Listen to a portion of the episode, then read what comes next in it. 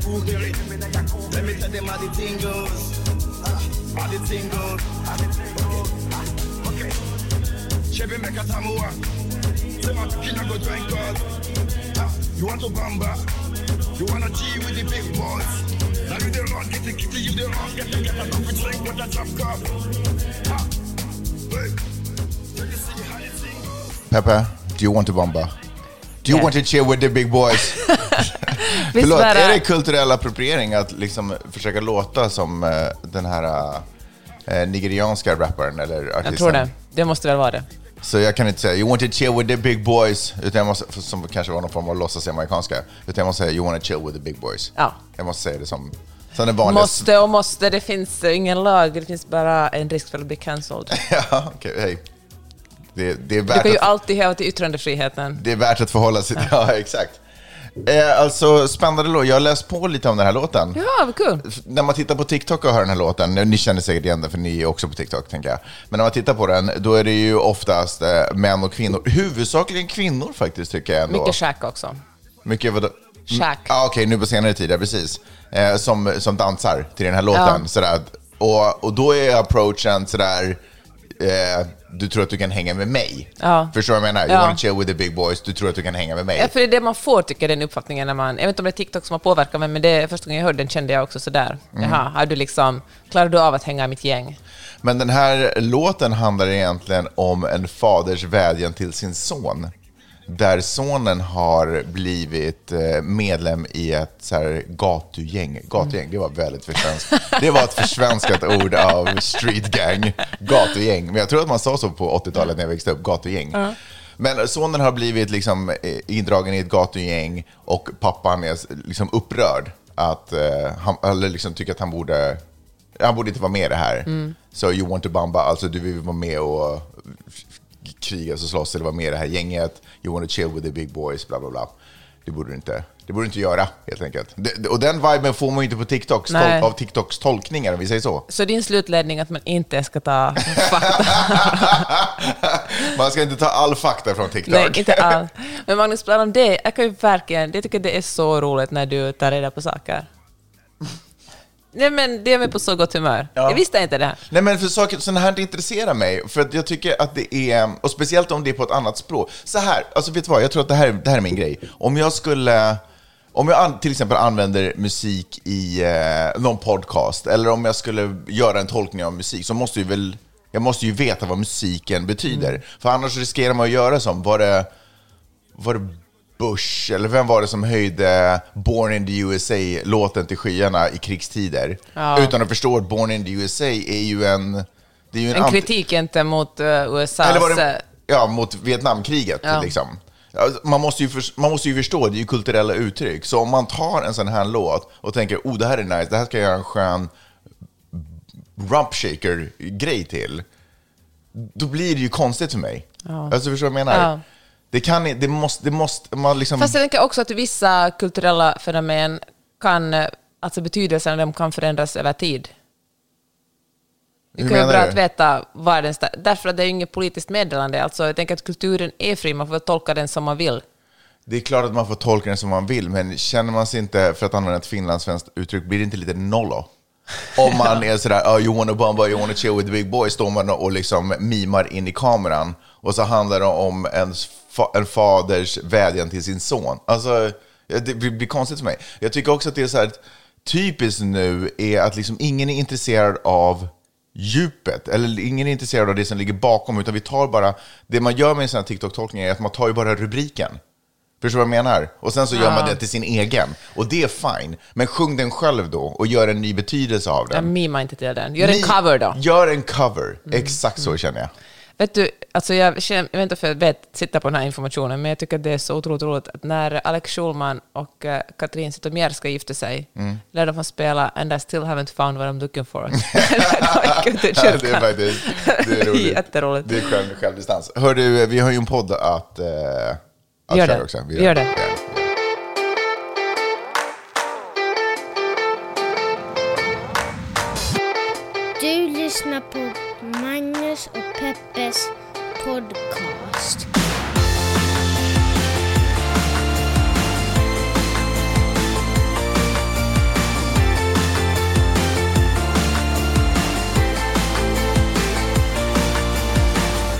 Jajamensan, det är exakt vad ni gör när ni lyssnar på Magnus och Peppers podcast. En podcast som eh, presenteras från Santa Monica, Kalifornien och som eh, handlar om hur vi ser på... Nej, jag försökte göra det här på ett annat sätt. Jag kom helt av mig. Gör den på det gamla goda det sättet. här är en podcast... Eh, nej, men vad, vad brukar jag säga? Som handlar om de stora och de små sakerna och vi gör det ur ett journalistiskt, feministiskt och mediegranskande perspektiv. Jag heter Magnus Silvenius Öhman Och jag heter Peppe Öhman. och vi är gifta. What up? Ni vet vad ni hörde det först. Eh, Peppe, hur har veckan varit? Du, har varit, du, känns, du känns som att du har varit utarbetad den här veckan. Jag har varit väldigt orolig för att du ska typ eh, bara tackla av. Och du förstår att om du tacklar av, då, då försvinner...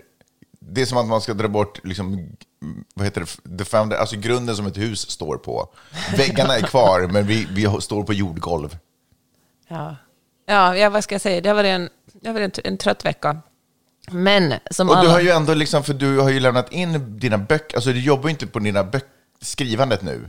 Alltså dina böcker nu. Nej, fast vet du vad? Nu kommer min bok ut på Norstedts. Och Norstedts, som jag, jag har aldrig skrivit en bok för Norstedts förut. Och de har ett helt annat... Eh, ja, men de satsar jättemycket på marknansföring, så de har skaffat en PR-agent Är det nu man vill köra den här låten You wanna bomba, you wanna chill with Ja, the big you boys? wanna bamba. Nu gjorde ju du det. Men, ja, det gjorde jag. Men alltså, det var den som Norstedt spelade för mig, alltså, när de frågade om jag ville... jag kommer ville in på mötet och bara Ja. You wanna bomba, you wanna chill with the big boys.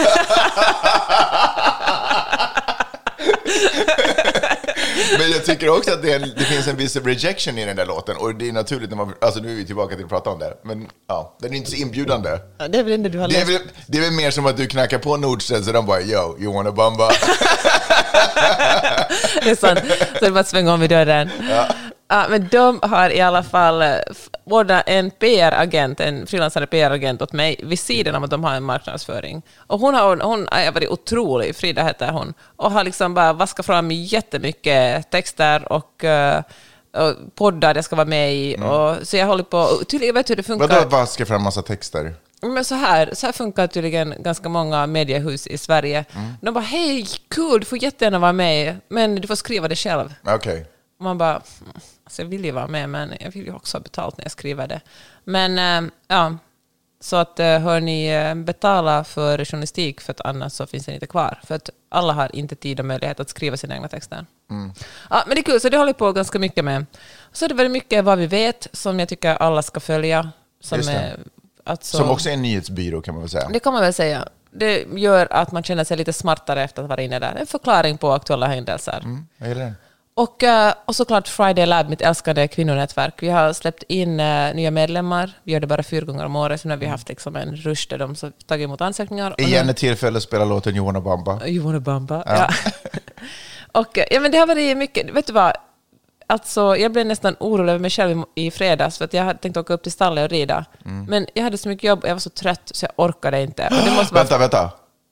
Du åkte inte upp och red. Nej, Det är ju oftast det som du brukar ta till för att få energi också. jag vet. Jag, jag bara pallade, jag klarade inte av det. Det var liksom... Ja, det var, det var obehagligt att känna så. Men du, vad känner du i sådana här situationer? Känner du sådär... Uh, uh, Okej, jag har en gameplan för hur jag ska ta mig ut det här tillståndet eh, och sen har du kanske listat några punkter eller franska strecken och liknande. Eller känner du sådär... Please God, hoppas det här går över snart. Eller känner du... Okej, jag är i den här situationen nu. Känner jag att det blir värre så kommer jag vara tvungen att ta till hjälp. Nej, jag känner väl så här som alla andra vuxna människor också känner, att nästa vecka kommer det säkert vara lugnare. Och sen lever man så. Vad skulle, resten av sitt liv. skulle, krä- hur, skulle du kunna ta hjälp? Skulle du kunna så ringa en, jag måste snacka med någon? Eller använder du Maja då som är coach? Liksom? Ja, Maja är ju otroligt bra. Nej, men hon är ju faktiskt jättebra. som alltså är också 50% av... eh, Friday Lab. Ja. Det är ju jättenyttigt att jobba med Friday Lab. Där Maja som är coach och snackar mycket om hur man ska strukturera upp sitt liv så att man inte går under av jobb. Och, eh, och jag tror också problemet är att det alltid är så roligt det som jag sysslar med. Och det är, det är kul att göra det. Det är Mm. kul att folk är intresserade av min bok. Det är kul att uh, prata med folk i Friday Lab. Det är liksom kul att hålla på med sånt som jag håller på med. Skriva mitt nyhetsbrev. Så det är ju svårt. Och det, vad vi vet, jag älskar att göra journalistik. Så fan vet jag, usch nu talar vi så mycket om mig. Vet du vad som också Men- är konstigt? Det är så, Jag tycker faktiskt att, det, det här, jag, fatt, jag har liksom bloggat sedan 2005, så jag fattar att det här rimmar konstigt, men jag tycker det är så jobbigt att prata om mig själv. För jag tycker det är så jobbigt när folk bara pratar om sig själva och inte ställer en enda fråga som bara Nej, men jag ställer ju frågor för jag tycker att det här är intressant, för att jag tänker att det är många som kan relatera till att känna sig utarbetade. Och Ja. sådär. Jag har ju en tendens att, jag, jag, jag är väldigt långt ifrån att söka hjälp om sådana saker. Mm. Jag, det, jag vet inte, alltså det är ju naturligtvis idiotiskt. Det är klart man ska göra det om man inte kan, om man inte rår på det. Liksom. Mm. Men jag har också en sån här tendens att skylla på vädret.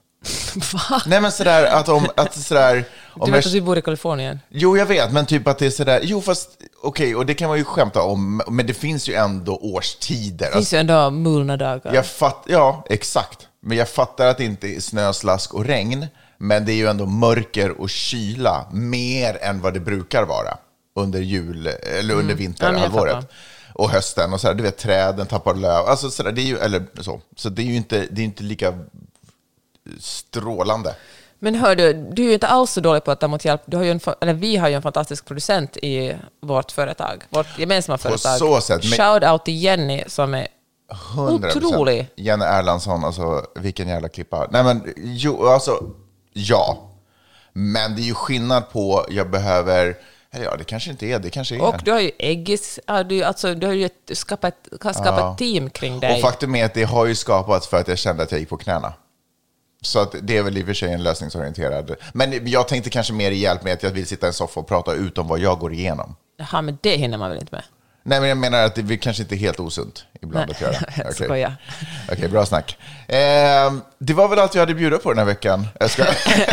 Klagopodden. Men ska inte vi ge en större shoutout till Eggis, för han är ju verkligen otrolig han också. Alltså som du jobbar med, jobbar med poddar med. Jätteunderminerande att det är du som ger shoutouten när det är mig men, han jag, jobbar men med. jag ser ju hur mycket han hjälper dig Ja, och nej, vad du snackar om honom. Det är verkligen sant. Eh, att, ha, att ha människor runt omkring sig som vill vara en del av, av vad man gör och, är, och kan hjälpa till. Alltså, nej, det är faktiskt magiskt. Det är också en sån här skön känsla att inte vara, du vet som egenföretagare, att jag är ensam med alla besluten. Jag, är, jag sitter dels på stolen som, jag är också jag är marknadsföringschef, jag är CEO för företaget, jag är också liksom, står på golvet och fabrikar. Men när man kan börja liksom dela på de här ansvarsområdena och också ha folk att bolla med, det är bollandet jag vill komma till. Det är fan, eh, det är magiskt. Men det har också hänt saker i veckan. Alltså jag har i minst en månads tid varit sugen på att tala om Joe Rogan. Ja, men jag tycker att vi trycker den snabbt. Vi är en vecka sena att prata med den. Jag vet, men det kändes, så, det kändes som en snuvad på godiset. Snuvad på, för att jag har liksom verkligen velat ta upp det här långt innan han inte, alltså det blev en stor grej om, alla, om hans liksom Men vet du vad vi gör? Vi går ut, vi, vi pratar om det, men vi börjar med en disclaimer att vi visste om det här innan. Ja, för det är ändå det charmiga. Ja, ja, exakt. Så vad ni nu kommer höra har vi känt till länge. Varsågod, sätt. Nej, men jag hyser ju ett, eh, ett ständigt eh, latent hat gentemot eh, Joe Rogan. Hur, hur, lång tid, hur länge kan du tr- backtracka din... Hur, liksom din År. Alltså det måste vara, alltså inte tio år säger jag. Så, men säg Störde du på honom redan under... ehm, Fear Factory. Fear Factor. Nej, jag var Inte Fear honom. Factory. Fear Factor. Och t- där ser man, så lite bryr jag mig om. Det var, Ja. det jag sa det avsiktligt, det var en härskarteknik gentemot Joe Rogan. Så du menar Mojogen? Jag stavade hans namn fel på Twitter häromdagen när jag, när jag bråkade om någon mupp om... Ja, okej. Ja. Hur som helst, så... Ja, nej, men, eller inte så här är det. Han, jag tycker att han får oförtjänt mycket kärlek. Alltså, han är, han är, jag förstår att han är en underhållare och han är kul, men jag kan verkligen bli fullständigt rasande på att alla män älskar honom bara för att han är borderline rasistisk, transfobisk och, eh, och liksom misogyn. Your Honor, jag har saker. Men ja, fortsätt. men får jag säga.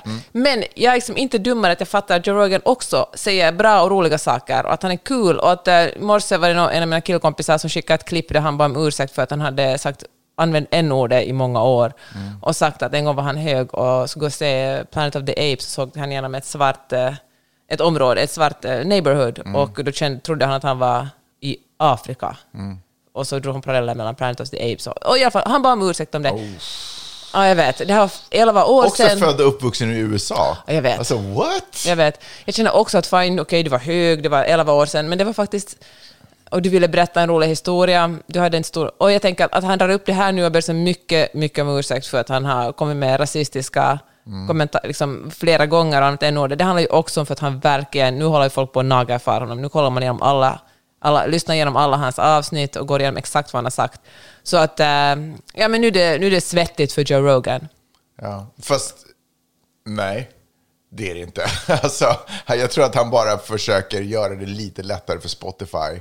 Men Spotify kommer aldrig, alltså, de kommer aldrig släppa honom. De har ju, kastat, de har gett honom 100 miljoner, de kommer aldrig släppa honom.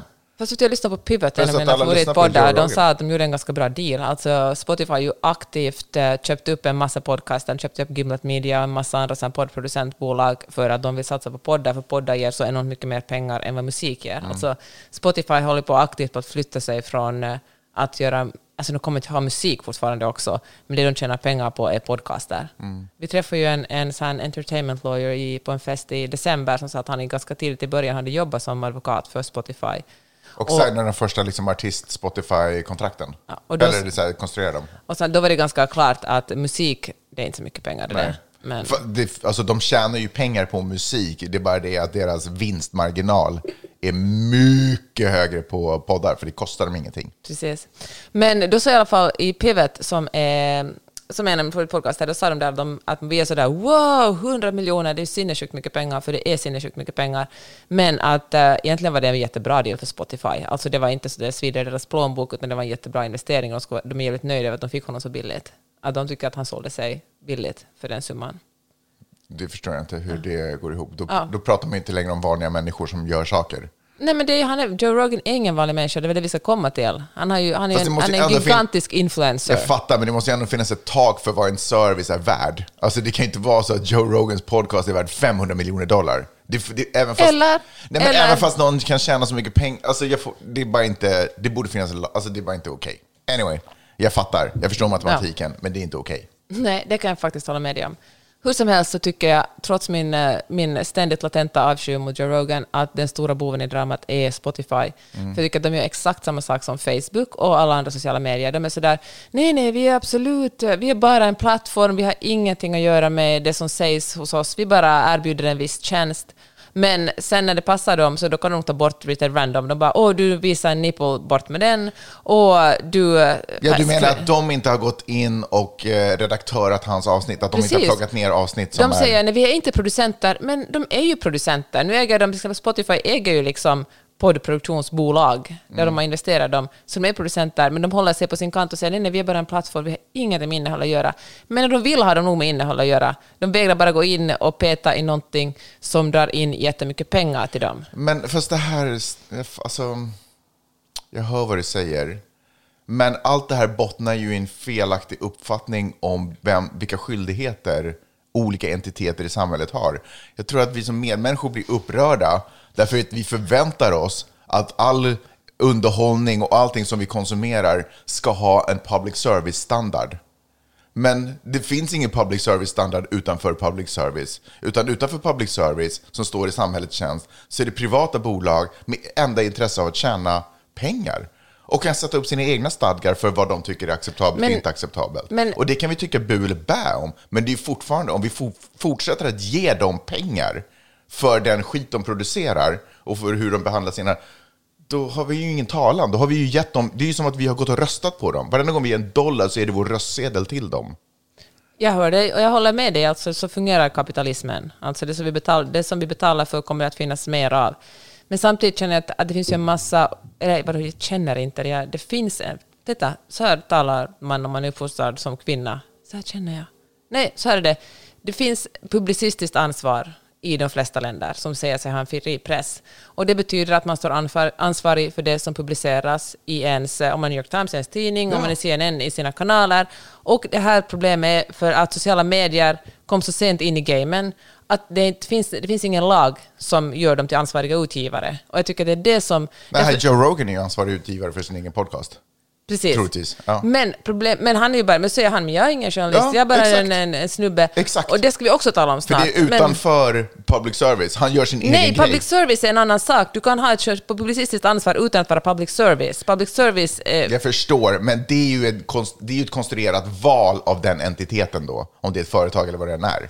Ja, men det är det som är problemet. För att jag menar det att Facebook hjälper till att folkmord i Myanmar, alltså Mm. ja, låter absolut. incels eh, få kontakt med varandra, Qanon och Exakt min tusen andra saker. Man kan när som helst frångå sitt, liksom sin stadgar. Precis, men därför tycker jag att det måste finnas på samma sätt som det finns ett publicistiskt ansvar för publicister, ska man, måste man säga att Facebook är en publicist, Mm. Spotify är en publicist. Och just i det här fallet så tycker jag att Spotify är det stora problemet, inte Joe Rogan. Mm. Jag tycker att om vi bara pekar på en själv, vi bara Joe Rogan säger inte så, eller liksom eh, neonazis säger inte så, då kommer vi aldrig till roten med det här problemet, för det kommer alltid dyka upp flera sådana. Om vi tvingar, också, tvingar eh, sociala medier att ans- och Spotify som då faller inom det här, den här entiteten, tvingar dem att erkänna att de är publicister, då kommer de att vara mycket noggrannare med vad som publiceras, vilken disinformation som publiceras och som inte. Och innan någon hundar skriker, skrika men det är censur. Det är fucking inte censur. Censur är när en stat går in och säger det här får du inte publicera. Censur är vad man håller på med i Kina, i Nordkorea. Att privata bolag bestämmer vad de ska publiceras och inte publiceras, som de gör nu, alltså som Facebook gör nu, som Twitter gör nu, som Spotify gör nu. Det är inte censur. De får bestämma själva om vad de, vad de väljer att publicera och inte publicera. Sen om de väljer att publicera, jag menar, Spotify, med den argumentationen att, att det Plus att, att ingen har väl censurerat Joe Rogan, eller? De har tagit bort fler, jättemånga avsnitt av andra poddar som har kommit med missinformation. Andra avsnitt, ja. ja. Jag vet faktiskt inte om de har tagit bort, jag tror att de har tagit bort alltså Rogans avsnitt också, äldre avsnitt innan han gick till Spotify. Men de, det är jag inte 100% säker på. Men det som jag vet är att de har tagit bort typ 20 000 avsnitt poddar som sprider antivaxxarpropaganda. Mm. Men Joe Rogan är så dyr för dem, så de liksom, det är därför de helst inte har något med den här saken att göra. Mm. Men hur som helst så tycker jag att lagstiftningen, det är för viktigt det här, för det handlar ju verkligen om liv och död. Människor dör ju av covid. Och eftersom det handlar om liv och död, eftersom Joe Rogan är en sån enorm influencer, så tycker jag det är så fruktansvärt oansvarigt av Spotify att bara säga vi har ingenting med den här saken att göra. Nu, nu kommer någon att säga, men de har ju gått in och kollat igenom sina, liksom, gått sagt, gjort nya liksom, regler kring vad man får publicera och inte publicera. Då säger jag too little too late. Fan, folk är bara så fruktansvärt giriga. Okej, nu får du säga. Eh, Jag tänker att vi eh, lämnar Joe Rogan och flyttar över blicken till Pärleros. Okej. Alexander Pärleros som driver eh, podden Framgångspodden. Frågan, är han den svenska Joe Rogan? Men är inte fruktansvärt smickrande för honom? Alltså, alltså bitch please, Ja. alltså sit down. Kendrick Lamar, kan du bara komma in och förklara läget där? sit down, be humble. Lugna er lite, lugna er. alla lugnar sig, alla tar ett djupt andetag. Men Får jag bara säga till Joe Rogan, ser man vill om honom, han säger själv att han är bara en vanlig dude, han måste ändå vara hundra gånger smartare än Pärleros. Nej men Alltså, sluta, bu- för att överhuvudtaget synas och höras och bryta igenom USA så måste du ha skills på en helt annan nivå än vad man Men att behöver. Pärleros han bara snubblade in på Acast en dag, han trodde han gick in på Starbucks, Nej men alltså, så fick han en podd ja och framförallt så blev han ju, eller en bidragande orsak, alltså jag måste ju också säga att det är grit som har gjort att han har blivit stor. Han har bitit sig fast och bara hållit sig kvar, men en bidragande orsak är ju Alex och Sigge som bara pissade på honom i början för hans erbarmliga eh, intervjuteknik och alltihopa, vilket gjorde att han fick skitmycket gratis reklam som gjorde att folk bara, ja, hmm nu är han där i alla fall. Alla som avskyr dåliga intervjuer bara, "Huh, det ska jag kolla. Ja, exakt. Tack, tack Nej, Alex men alltså som älskar dåliga intervjuer menar jag. Vilket fall som helst, det han och Joe Rogan åtminstone har gemensamt just nu är att de båda är i blåsväder. Nej, för- därför att han också hade intervjuat en självutnämnd hjärnforskare och eh, också spridit liksom... Ja, fast hon är ju, alltså hon har inte publicerat någonting sen, eh, Gospitch heter han va? Hon har inte publicerat någonting sen 2014, men att hon har ju doktorerat i någon slags vetenskap som har med hjärnan att göra. Men hon är inte aktiv inom forskningsvärlden. Så, eh, och eh, diskussionerna som var Hon där... har verkligen ingenting att göra med, med, med eh, covid. Alltså hon, hon, hon jobbar inte som... Epidemiolog. Ja. Anyways, så avsnittet i fråga så uppstod det ett samtal om liksom, vaccin för och emot. Pärleros själv väldigt noga med att säga att han är varken för eller emot. Man bara, för det första, vad är det för ståndpunkt? Jag varken för eller emot neonazis, eller jag varken för eller emot att det finns påskharen bara- existerar eller inte existerar. Alltså folk som är så här, tar en neutral position och bara, jag vill bara ställa frågor, är bara folk som inte kan någonting. Det är bara, Ja, det är bara lättja. För att du har inte, ingen har satt sig ner och funderat på. Man kan liksom inte, an- okej, och det är hit jag är på väg. Det här um, som är uppe på, liksom, som en, som har blivit på något sätt någon pseudodiskussion, nämligen får man ha en diskussion och vad får en diskussion handla om? Får man, får man ställa frågor? Det är klart att man får ställa frågor. Det är, väl, det är väl fantastiskt om man kan ställa frågor. Men förr i tiden så brukar det ske på ett annat sätt och ett annat forum. Och det jag också tycker att man kan ta in i den här diskussionen är är ni influencers? Är ni folk som når ut? Och vad är syftet med att ställa de här frågorna? Försöker man sälja någonting samtidigt som man ställer de här frågorna? Försöker man eh, blåsa liv i sin egen eh, lyssnarskara? Eller vad är liksom poängen? Eller försöker man på riktigt lära sig någonting? Men om man ställer frågor, speciellt i ett journalistiskt sammanhang, där man intervjuar en forskare som, har av en, som är av en annan åsikt, då måste man ställa kritiska frågor också. Eller då måste man vara påläst. Jag tycker också att jag är bara kritisk, jag är bara skeptisk, att man säger sådär, men funkar vaccinet utan att ha en aning om vad ens vaccin är, då är man inte kritisk, då är man bara dum i huvudet. Nej. Förstår du? Alltså, jag tror det finns en missuppfattning också att om man, jag är en skeptiker, jag är en kritiker, och egentligen... Och det betyder bara, jag vet ingenting Exakt. och nu ställer jag bara en dum fråga. För alltså, grunden i vetenskap är ju att man ifrågasätter andras eh, resultat. Det är ju så vetens vetenskapen går vidare. Man bara, men stämmer det här verkligen? Vi testar det. Stämmer det här verkligen? Vi testar det. Mm. Men det kan man inte förväxla med extremt dålig intervjuteknik när man man inte vet, vad- alltså man, man bara ställer en fråga för att man inte ens, för att man inte vet någonting. Ja, för det är ju skillnad på att sitta i ett klassrum med en lärare, räcka upp handen och ställa en fråga i syfte att jag försöker lära mig någonting. Och det är ju en annan skillnad att ställa den i ett medialt sammanhang, för då blir ju frågan också en implikation. Jag antyder ju också någonting med frågan. Jag skulle till exempel kunna sitta i den här podden med våra fantastiska lyssnare och så skulle jag kunna ställa frågan, är det så att Pärleros har våldtagit någon? Jag vet inte, jag bara ställer frågor. Det blir ju en implikation. Det är ju som att jag antyder, man bara, var kom den fucking frågan ifrån? Finns det någon, ingen rök utan eld? Man kan, alltså, sånt kan ju ta vägen vart fan som helst. Så det är klart att det inte bara handlar om att man får ställa frågor, man måste ju vara påläst på vad det är. Och man måste ju också förstå i vilken situation man ställer de här frågorna. Och till vilken publik som lyssnar på de här frågorna. Och, får de något fucking svar? man ställer den här frågan till. Ja! Och vad, vad blir svar? Var landar vi på något sätt liksom? Och sen tror jag att man kan hålla sig på något sätt neutral genom att säga ja, vi, idag kom vi inte fram till någonting, jag bara vill höra båda sidor, det är bra att vi diskuterar det här. Nästa vecka kommer vi ha eh, Tegnell här och, och svara på frågor om vaccin. Men även då, även om man ska ha Tegnell som, eh, som gäst i nästa vecka, så är det liksom inte... Det att ställa två stycken... eh, Alltså man kan liksom inte ge en person som Tegnell som verkligen ändå säger, alltså jag fattar att han är, folk är skeptiska till honom, men han är ändå liksom en person som jobbar med det här hela sitt vuxna liv.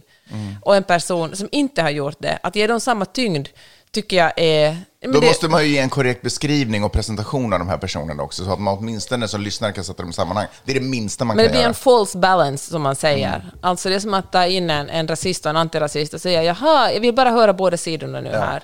Men- Du, tycker, du, är liksom, du tycker på, tror på förtryck och att vissa hudfärger är bättre än andra, Ja. och du tror inte det. Jag är neutral här. Jag Mm. vill bara lyfta fram båda sidorna. Ja.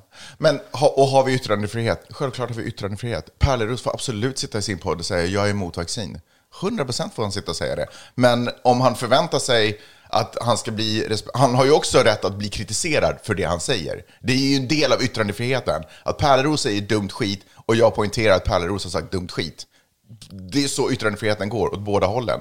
Det blir också den cyniska delen av mig tänker så här, det är ett jättebra sätt för honom att få ännu mer synlighet och sälja ännu mer grejer. För vi såg det ju också med en del influencers att eh, när de vill sälja någonting då ska man lita till tusen procent på deras ord. Men när de bara för en, en diskussion då ska man komma ihåg att det är bara influencers, de är bara vanliga personer som egentligen inte tar något ansvar över någonting. De, bara, de är vanliga relatable persons som för en diskussion i, eh, i en podd. Ja, det tycker jag också. Om man väljer att eh, kliva fram som en offentlig person, man väljer att kliva fram som en programledare, man vill leka den leken, man vill spela det spelet och man vill ha det With the jobbet. big boys. Man wanna, man wanna bamba, helt enkelt. Eh, då, då, är det liksom, då är det saker som kommer med på köpet. Det ena är att man måste stå till svars för vad man säger. Och det funkar inte att man ena dagen ställer öppna frågor och bara frågar och andra dagen är sådär, lyssna inte på vad jag säger. Utan antingen säger man det eller säger man det inte.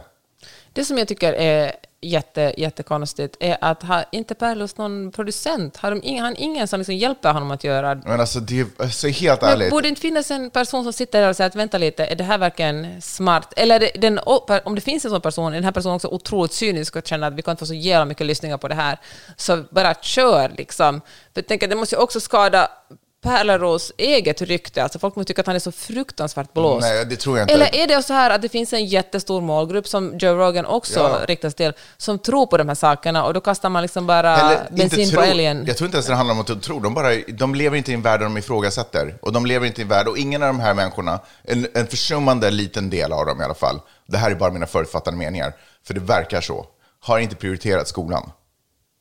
Och man, istället så väljer man förmågan eh, att, eh, att tjäna pengar, förmågan att skaffa stora summor pengar, eh, att, liksom, att tjäna månad, fuck, du förstår vad jag säger, eh, har blivit på något sätt ett kvitto för att det är en validering till gör. att jag är en smart person. Att kolla, jag behöver inte skolan, jag kan ändå tjäna 200 000 Mm. spänn i månaden, eller vad fan det än är. Som att det på något sätt tar ut varandra, som att det är samma sak man väger här. Liksom. Att det är elitistiskt att tycka att det är bra att gå i skolan. Ja, exakt.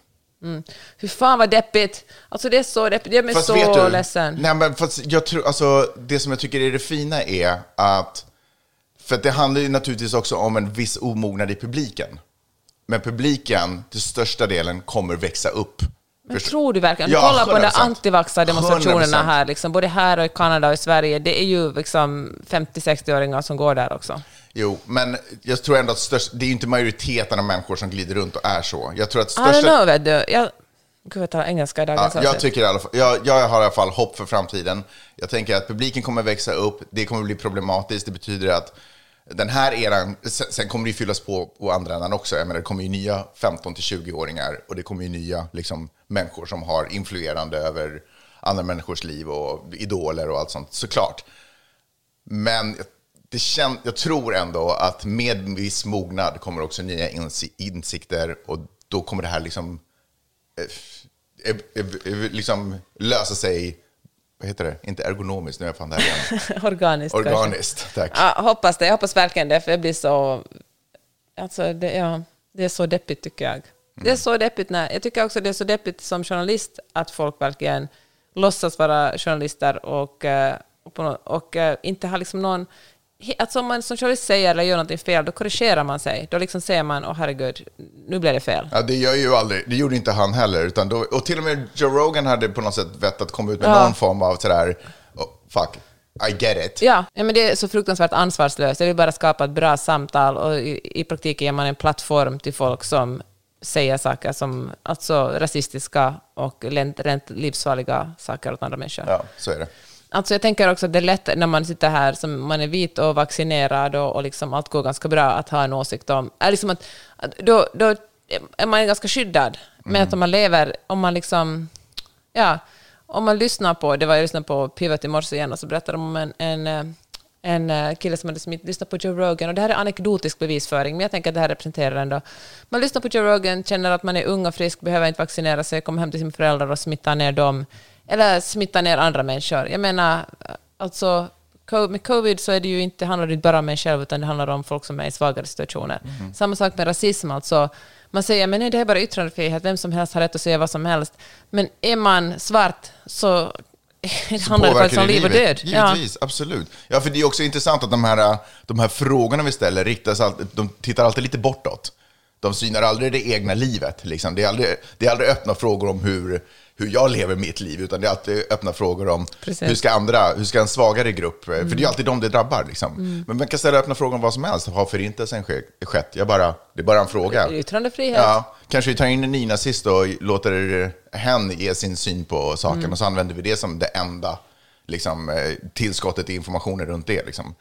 Ja, nej, det är, det är beklämmande, Peppe. Men det ska jag väl också säga att om någon droppar en ordet och använder sin yttrandefrihet och droppar en ordet om jag skriker håll käften så är det inte jag som försöker censurera den personen. Det är jag som proklamerar min ståndpunkt i frågan. Magnus, äh, häromdagen satt vi i bilen och så sa du att du hade läst en krönika av Anna-Lena Laurén, Ja, just det. Alltså vilken fantastisk... Eh, Journalist. Om, för jag vet att det är många som är oroliga om vad som händer i Ukraina, eller Ryssland rättare sagt, liksom, i, i Östersjön. Kommer Ryssland eh, kliva in på Gotland, ta över Sverige? Kommer svenskar snart lära sig ryska i skolan? Jag ställer bara frågor. Jag vet inte. Eh, men vi har kallat in Ryssland-experten här. Han heter Vlad... Nej, jag skojar bara. Nej, men vilken fall som helst. Nej, men Anna La, eh, Lena Laurén som skriver för DN. Eh, otroligt insiktsfull. Hon har ju bott eh, länge i eh, Ryssland. Och Bor. Bor. Ja, okej, just det. Eh, och har Bor du verkligen... i Moskva? Nu tror jag att hon bor i Sankt Petersburg igen. Nej men Anna-Lena Raurén, alltså verkligen fantastiska, fantastiskt insiktsfulla artiklar i DN, kan jag verkligen rekommendera. Eller krönikor. Krönikor. Och artiklar. Men hörni, då vill jag passa på att rekommendera hennes bok Sammetsdiktaturen, som handlar om hur det är att bo i Ryssland. Mm. Jätte, jättebra. Jag tipsar om den i Aftonbladet snart också. Ja. Kan vi också bara liksom... Eh, Tyskland, what the fuck? Vad händer? De vågar inte göra någonting. De vågar inte säga... Liksom, alla sitter och väntar på USA, Frankrike, England, eh, Sverige. sitter och väntar på att Tyskland också ska kliva in och bara sådär, okej, nu är vi en, e- nu är Europa och västvärlden liksom en enad front här. Vi har tagit ställning. Men Tyskland, bara, de vill inte riktigt gå. De är lite så här, men om, om de gör det så riskerar de att deras, alla iPads i Tyskland inte får någon elektricitet och då blir det knas. Så de vågar inte riktigt. Alltså, vilken jävla situation de har satt sig i. Så jävla idiotiskt. Allting bottnar ju ner i Nord Stream, var det så det hette? Ja. Gasbolaget. Ehm, som är liksom ett, en, ett, för, ett ryskt företag, kanske. Ett samarbete ursprung- med Tyskland också. Precis, ett samarbete mellan Tyskland och Ryssland och gasledningarna går igenom dels Ukraina och dels i Östersjön. Eh, och redan innan den dealen gjordes så var folk så här, eh, det här är säkert inte så bra idé att göra sig så här beroende. Plus att om det är massa gasledningsrör i Östersjön som tillhör Ryssland så är det en ganska stor chans att ryska örlogsfartyg kommer vilja bevaka dem mot, inom situationstecken, terrorattentat. Så vill vi verkligen ha det? Ja, det tyckte tyskarna. Det vill vi verkligen ha. Och nu är vi i den här fucking situationen. Så jävla korkat. Det, jag alltså, hittar inga ord. Och om man också satt Ukraina i den här fucking situationen också. Det är så jävla dumt. Ja, men jag håller med dig.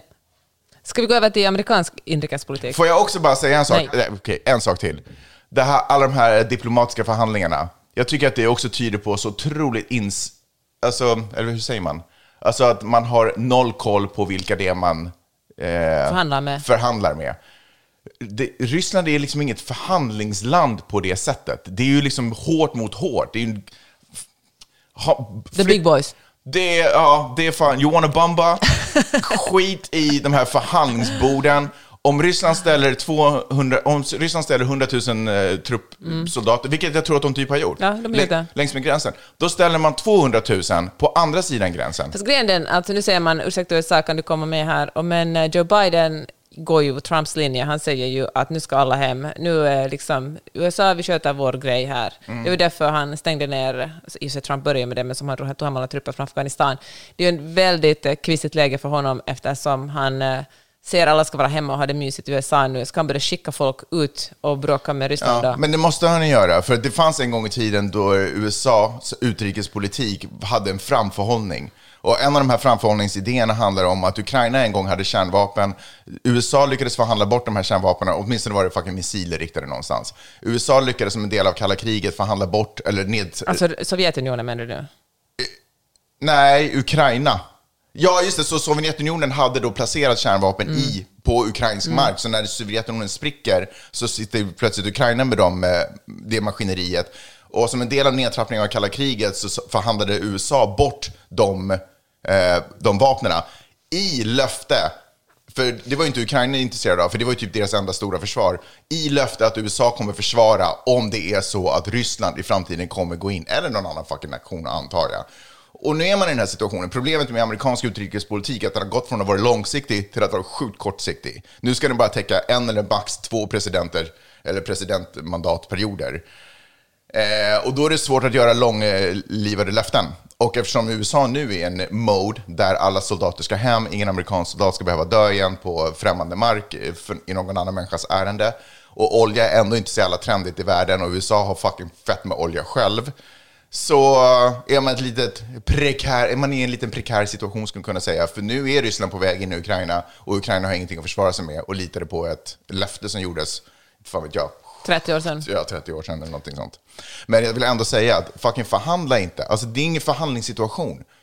100 000 mot 200 000 och det är det enda som går. Det, alltså det är det enda Men det språket. finns ju oändligt med ryssar. Alltså, kommer de inte... Jo, men Ryssland vill ju inte ha krig. De kommer aldrig kunna vinna ett krig mot västvärlden. Det går inte. De vill inte ha krig. De vill bara ha fucking Ukraina och kontroll över gasen. Och om, om, eh, så länge USA håller på och snackar om att vi ska kalla hem trupper och vi inte är intresserade, då har ju de öppen gata för Europa kan inte svar, försvara de där gränserna. EU är inte så starkt. Vi har inte de soldaterna som Ryssland har. Så det går ju inte. Så vi måste ju ha med USA på det här fucking tåget. Och så måste man rada upp alla gubbar mitt emot varandra. Så ryssarna ser det och amerikanerna ser det, eller västvärlden, whatever, ser det. Och sen så, kan, kommer, alla, så kommer Putin vara sådär, ah, spasibla! Och så kommer han bara backa hem. Spasibla. Ja, men det var något alltså, ryskt ord för bara, fel. God damn it. Eh, och så kommer han backa hem. Det är liksom bara typ hårt. Jag tror att ryssarna helt ärligt ser förhandlingar som ett svaghetstecken. Mm. Jag tror att de äger alla de där förhandlingarna. Eller okay, diplomatiska okay. Jag mätarna. tänker inte säga emot det, för jag tycker det är så fint när du går igång på utrikespolitik. Och här känner jag också så här, i Sverige är man så här, nej men eh, diplomati är den enda vägen. Nej, fuck, världen är inte svenskar. Världen är inte fylld av svenskar. Och jag tycker att det är fantastiskt att Sverige har det här, att vi sätter oss i ett samtalsrum och vi lämnar inte förrän vi alla har nått konsensus och alla tycker exakt samma. Jag tycker att det är magiskt, det är ett otroligt fredligt sätt att lösa det på. Men man kan inte förvänta sig att det fredliga sättet funkar överallt på jorden. Ja, okej. Folkhemmet är bara inte en reality längre. okej. En reality show möjligen, but that's it.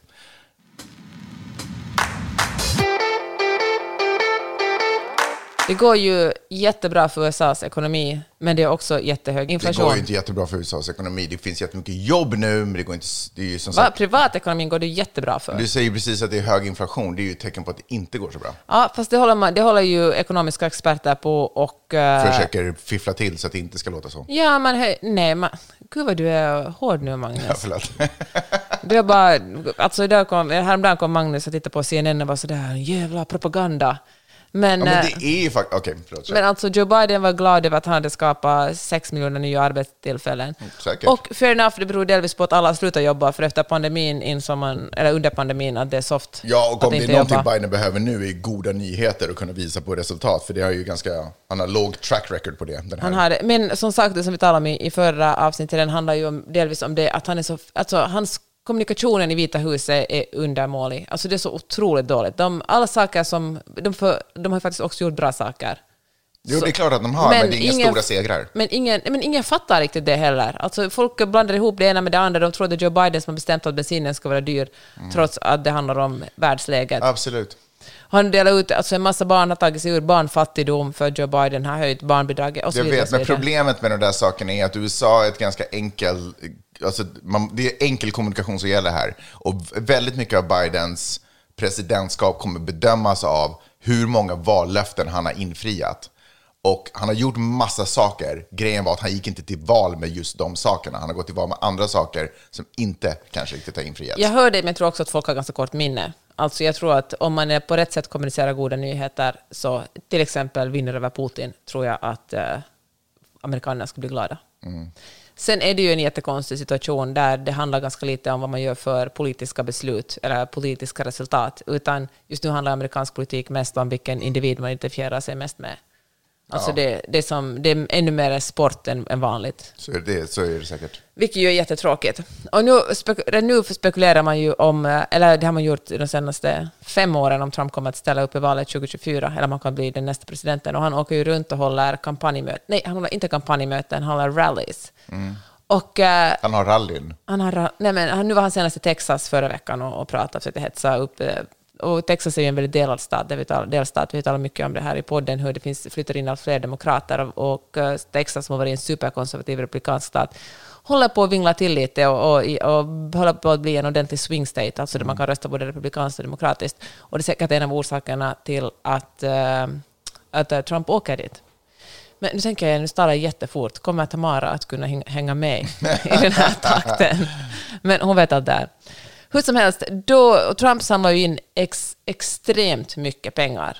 Alltså hans, eh, en orsak till att han håller de här kampanjmötena som officiellt inte har något med politik att göra, utan det är bara kändismöten, handlar om att han vill ha mer pengar. Och finns man med på Trumps eh, mailinglistor kommer det hela tiden så här, snälla donera det här, vi behöver det här, pengar, pengar, pengar. Och eh, att nu, finns det liksom, om man går och väntar på att Trump kommer att säga jag ställer upp i valet, då kommer den här finansieringen att vara valfinansiering och då blir Trump tvungen att redovisa för vart de här pengarna har gått. Men så länge han bara är en random dude som åker omkring och ger halvlöften om att han eventuellt kommer att ställa upp i valet, så är han bara en random dude och får han göra med vad som helst. Alltså privatpersoner ger pengar åt en annan privatperson och eh, Han är, Jag behöver man bara skatta på det, Ja. så det är klart. och då får man ju ändå säga säga man vill om, eh, om honom, men det är ju en ganska bra idé om man vill tjäna mycket pengar. Verkligen. Det Trump egentligen också borde göra är att på något sätt göra sin, eh, sina turnéer till en form av religiös upplevelse. För då skulle, han, då skulle kunna göra det skattefritt. Om, Ja, det är ju, kyrkor är ju skattefria. om Trump snarare blir ett religiöst samfund, eh, så då är det ju skattefritt. Då är det ju bara kör på, åk runt och preach liksom. Ja. Vilket han ju redan gör, så det är egentligen inte stor, Det är inte så stor... skillnad. Verkligen. Jag tror bara att en del kanske religiösa samfund skulle ha problem med att han blir ett religiöst samfund. För det blir konkurrens mot religiösa samfund, förstår du vad jag menar? Ja, men, ja, i och för sig kanske det. Men, Men- det har väl inget att säga till om. Men, Men jag det det, Man behöver inte marknadsföra det, kan ju bli en Nej. teknisk grej. Eller, jag men, men jag menar, där vi ska kanske inte hålla andan tills han säger att han ställer upp i presidentvalet, för det kommer han nej. knappast att göra. Om han gör det så gör han det otroligt sent in i matchen. Min eh, enda förhoppning är att om han ställer upp i presidentvalet, att den här andra galningen från Texas, eller förlåt, Florida, ja, Florida också ställer upp, så att det åtminstone blir någon form av beef dem emellan.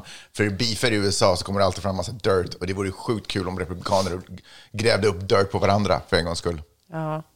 Det är så intressant sånt med så här faktaresistens, för det beror ju också på att om man inte vill tro på dirt, så tror man inte på det. I och för sig, det sagt, så finns det ju små, små tecken på att eh, Trump, eh, att folk tröttnar lite på honom. Så som det går med alla, antar jag. Alltså man kan bara stå i, i strålkastarljus en viss tid, sen liksom kommer det någon som är intressantare.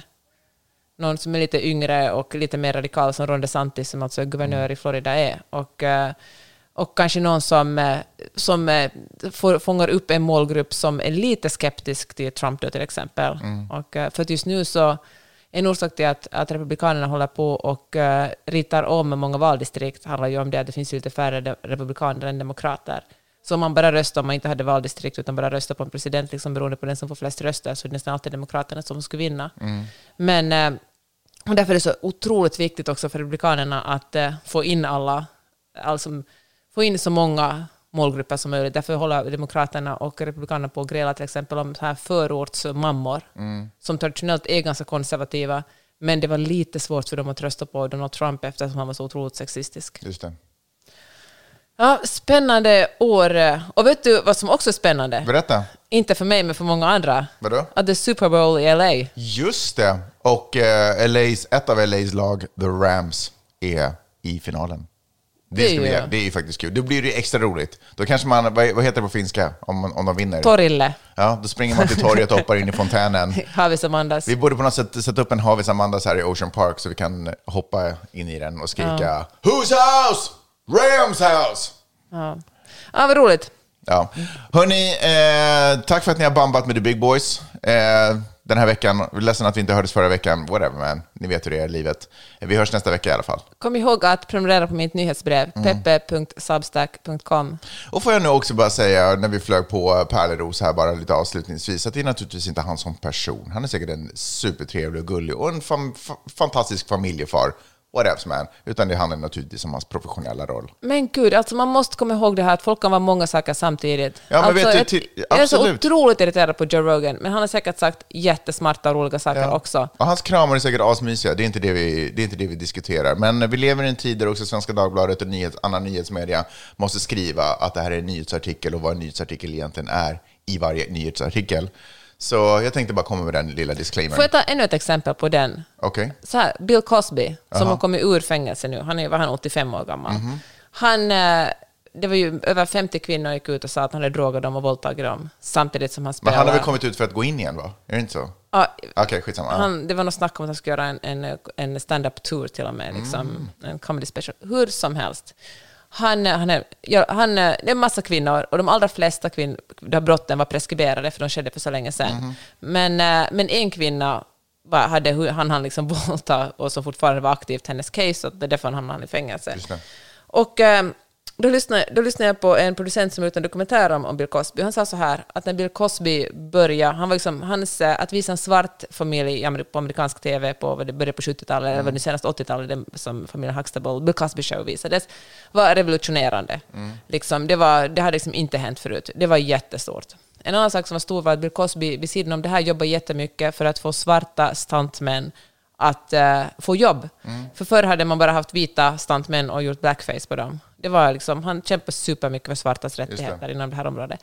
Samtidigt som han drog och våldtog kvinnor. Han levde ju i piken av liksom, eh, civil rights movementet. Ja. Men jag menar bara att... Eller han lever ju Alltså, folk gör bra saker och folk gör fruktansvärt vidriga saker. Det Mm. att man gör en vidrig sak och en god sak, de nollar inte ut varandra. Man Nej. har fortfarande gjort båda två sakerna. Men det är viktigt att komma ihåg att, att människor är på många sätt... En jättetrevlig person kan också vara en våldtäktsman. Absolut. Och en, ja, Men det, vi lever ju i en enkel svart och vit värld, så det är svårt att hylla någon, en person för deras goda gärningar och samtidigt eh, döma någon för deras... Eh, eller ställa någon till svars för deras dåliga gärningar. Men skitsamma, jag ville bara få det klart. gift dig med honom då. Ha det så bra. Vi hörs nästa vecka. Hej!